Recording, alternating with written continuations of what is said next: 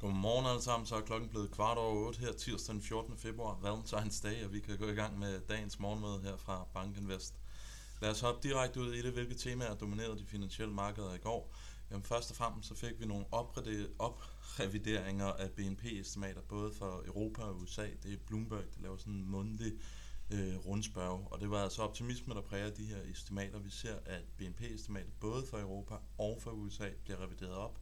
Det er ikke de helt store tal, øh, men ikke desto mindre så indikerer det altså den her øgede optimisme, vi ser i aktiemarkedet, egentlig også begynder at ramme analytikerne og de sådan lidt mere strukturelle vækstforventninger til den vestlige økonomi. Overordnet set, så var det altså en dag, hvor vi gik og afventede lidt det her CPI-print, som vi kommer til at få her i eftermiddag.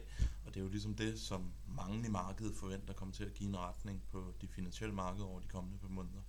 Kommer det ud svagere, og altså bekræfter, at inflationspresset det er på vej ned, jamen så må vi altså forvente, at vi ser en lidt mere dovish prisning af Fed, og vi må også forvente at se, at aktier stiger relativt kraftigt på det. Omvendt, kommer det ud højere end forventet, så er det altså højere renter i længere tid, og det må alt andet lige være negativt for aktiemarkederne. Men samlet set, så var det altså en rigtig, rigtig positiv dag, vi var vidne til i går. Vi så ret fine stigninger i S&P 500 og i Nasdaq-indekset, som begge steg med over 1%. Så optimisme var det, der prægede mandagen. I øjeblikket så er der jo rigtig, rigtig meget fokus på emerging markets aktier. Jeg tror, det har været, og det kommer også lidt tilbage senere, har jo været en rigtig stor consensus trade her i starten af 2023, at man skulle være overvægtet emerging markets aktier, fordi at Kina de åbnede op, og så ville vi se en masse kinesisk vækst, som også ville afspejle sig i det bredere EM-univers. Jeg synes dog, det er værd at bemærke, at hvis man ser på det som en dansk kroneinvestor, jamen så har MSCI World rent faktisk outperformet øh, MSCI EM med næsten 2% point. Så det er altså lidt en illustration af, at øh, til trods for, at der er den her optimisme ude i markedet omkring emerging markets i øjeblikket, jamen så ligger de finansielle afkast der altså ikke rigtigt og kan følge med de øh, afkast, som vi ser på netop MSCI World i øjeblikket. Og her på slide nummer 4, jamen der har jeg taget et, øh, et lille snippet med fra Bank of America's Fund Manager Survey. Det er jo den her rundspørg, der spørger en masse institutionelle investorer, hvordan ligger man allokeret. Og øh, enten i morgen eller på torsdag, jamen, så kommer jeg til at lave en lidt dybere gennemgang af, hvad er det egentlig institutionelle investorer lægger fokus på i øjeblikket, og hvordan ligger de allokeret. Men jeg synes, en ting, der er værd at bemærke, det er, at de er ude og måle ændringen, den tre måneder ændring i allokeringen til EM-aktier. Og der kan vi altså se, at de institutionelle investorer, de vælter i øjeblikket ind i emerging markets aktier. Vi ser faktisk den største fremgang til emerging markets aktier mål på den her tre måneders horisont, som Bank of America har valgt at highlighte, ja, faktisk i hele rundspørgens øh, historie. Så det er altså en illustration af, at det i høj grad er en consensus trade i øjeblikket, at løbe ind i emerging markets aktier. Det er jo som sagt en region, der er understøttet af den kinesiske genåbning, og så er det altså stadigvæk relativt billige multipler, vi ser for det univers relativt til MSCI World. Og her på slide nummer 5, jamen der har jeg taget BNP-estimater for USA med, og det var som sagt dem, der blev oprevideret i går. Igen, vi gik fra 0,5 til 0,6, så det er måske ikke den største finansielle nyhed nogensinde.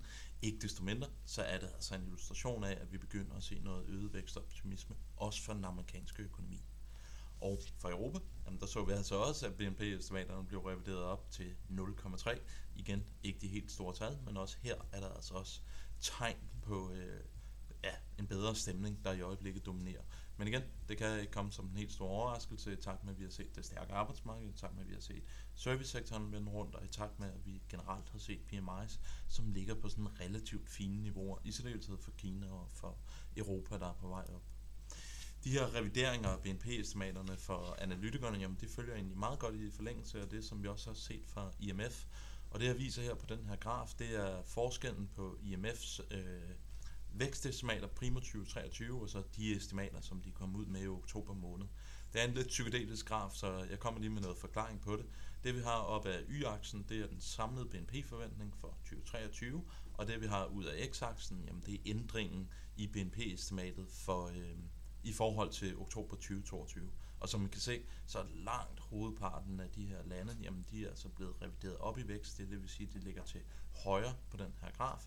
Den eneste region, eller eneste land, som egentlig ligger presset i øjeblikket, som bliver revideret ned, og som IMF forudser, at vi kommer til at se en negativ BNP-vækst for hele året, jamen det er England eller UK.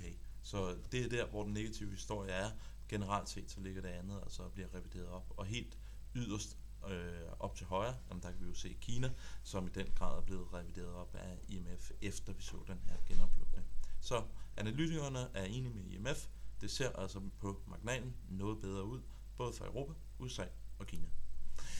Hopper vi til slide nummer 8, der viser gaspriserne, og det er jo ikke fordi, der sker det helt store, efter vi har set det her massive fald ned fra 311 euro per megawatt time ned til 51. Men det var altså bare en illustration af, at vi her i går faldt yderligere. Vi sidder altså nu på de laveste niveauer, vi har set siden sommeren 2021. Så det er altså en illustration af, at til trods for, at vi har den her krig i Ukraine, til trods for, at Rusland de nægter at sende noget gas over til os, jamen så ligger vi altså og ser meget, meget lave gaspriser i øjeblikket. Og det er en illustration af den meget, meget kraftige omstilling, som Europa har lavet, hvor de har fået bygget op en masse importfacilitet, således at vi kan få det her flydende naturgas, både fra Mellemøsten, men også fra USA. Så alt andet lige positivt for den europæiske økonomi og positivt for den europæiske forbruger. Her på slide nummer 9, den sidste graf, som jeg har taget med i dag, jamen der viser jeg andelen af virksomheder i S&P 500, som handler over deres 200 dage glidende gennemsnit. Og så viser jeg det fra øh, coronakrisen og så op til nu. Så i skrivende stund, så er det næsten 73% af alle virksomhederne, de ligger og handler over deres 200 dage glidende gennemsnit. Jeg synes, det der er interessant, det er, at vi skal faktisk ret langt hen i det rally, som vi så efter coronakrisen, før vi kommer op og ser de niveauer, som vi ser i øjeblikket. Så for mig i hvert fald, så indikerer det et lidt mere stabilt aktierally end det vi så, da vi gik ud af coronakrisen, hvor det i høj grad var meget få virksomheder, der drev det her initiale bounty aktier, som vi så dengang. Nu er det altså sådan lidt mere bredt funderet, lad man sige det på, på den måde. Så et sundhedstegn blandt mange på de finansielle markeder. Markederne for morgenstunden, hvad kommer der til at ske? Jamen, vi får som sagt CPI, og det er altså det, der kommer til at sætte tonen, både for i dag, men sandsynligvis også for de kommende par uger, i takt med, at det kommer til at give en eller anden indikation på den retning, som den amerikanske centralbank skal føre deres pengepolitik over de kommende par måneder. Så får vi en PMI for de små til mellemstore virksomheder, det er den, der hedder NFIB. Det bliver interessant os at se, om vi begynder at se noget øget vækstoptimisme hos dem. Det vil bekræfte det billede, vi ser i servicesektoren, og det vil give noget forhåbning om, at fremstillingssektoren i USA også endelig begynder at få noget momentum igen. Her for morgenstunden, så er det altså desværre lidt blandet marked, markeder i Asien stadigvæk. Det kan altså ikke rigtig følge med de stigninger, som vi ser i de amerikanske aktiemarkeder. Amerikanske aktiefutures, det handler meget svagt nede, men igen, Fortegnet på, øh, om vi stiger eller falder i dag, jamen det kommer altså til at blive sandsynligvis afgjort efter, vi får inflationstallet. Med disse ord, så vil jeg ønske alle sammen en rigtig, rigtig god dag, og vi høres ved i morgen. Hej!